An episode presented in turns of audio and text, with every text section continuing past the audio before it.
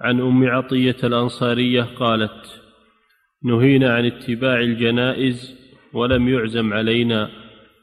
قالت نهينا عن اتباع الجنائز. هذا فيه دليل على أن المرأة لا تتبع الجنائز ما تشيع الجنائز إلى المقبرة كما أنها لا تزور القبور ولكن تصلي على الميت في المسجد أو في أي مكان غير المقبرة.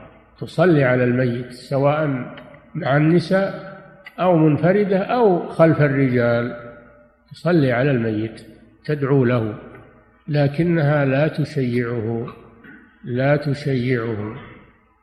وقوله وقولها ولم يعزم علينا يعني لم يشدد في النهي. هذا استدل به جماعة من العلماء على أن تشييع المرأة للجنازة مكروه.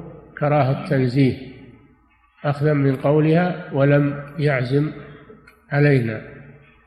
وبعضهم يرى أنه للتحريم أنها لا تشيع الميت لأنها قالت نهينا والنهي يقتضي يقتضي التحريم. أن الأصل في النهي أنه يقتضي التحريم. وتشهد له أدلة أخرى في أن النبي صلى الله عليه وسلم منع النساء من تشييع الجنائز.